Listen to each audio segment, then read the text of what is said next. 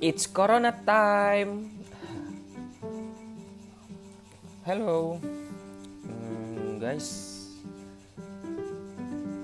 Di episode kali ini gue akan bahas tentang Corona.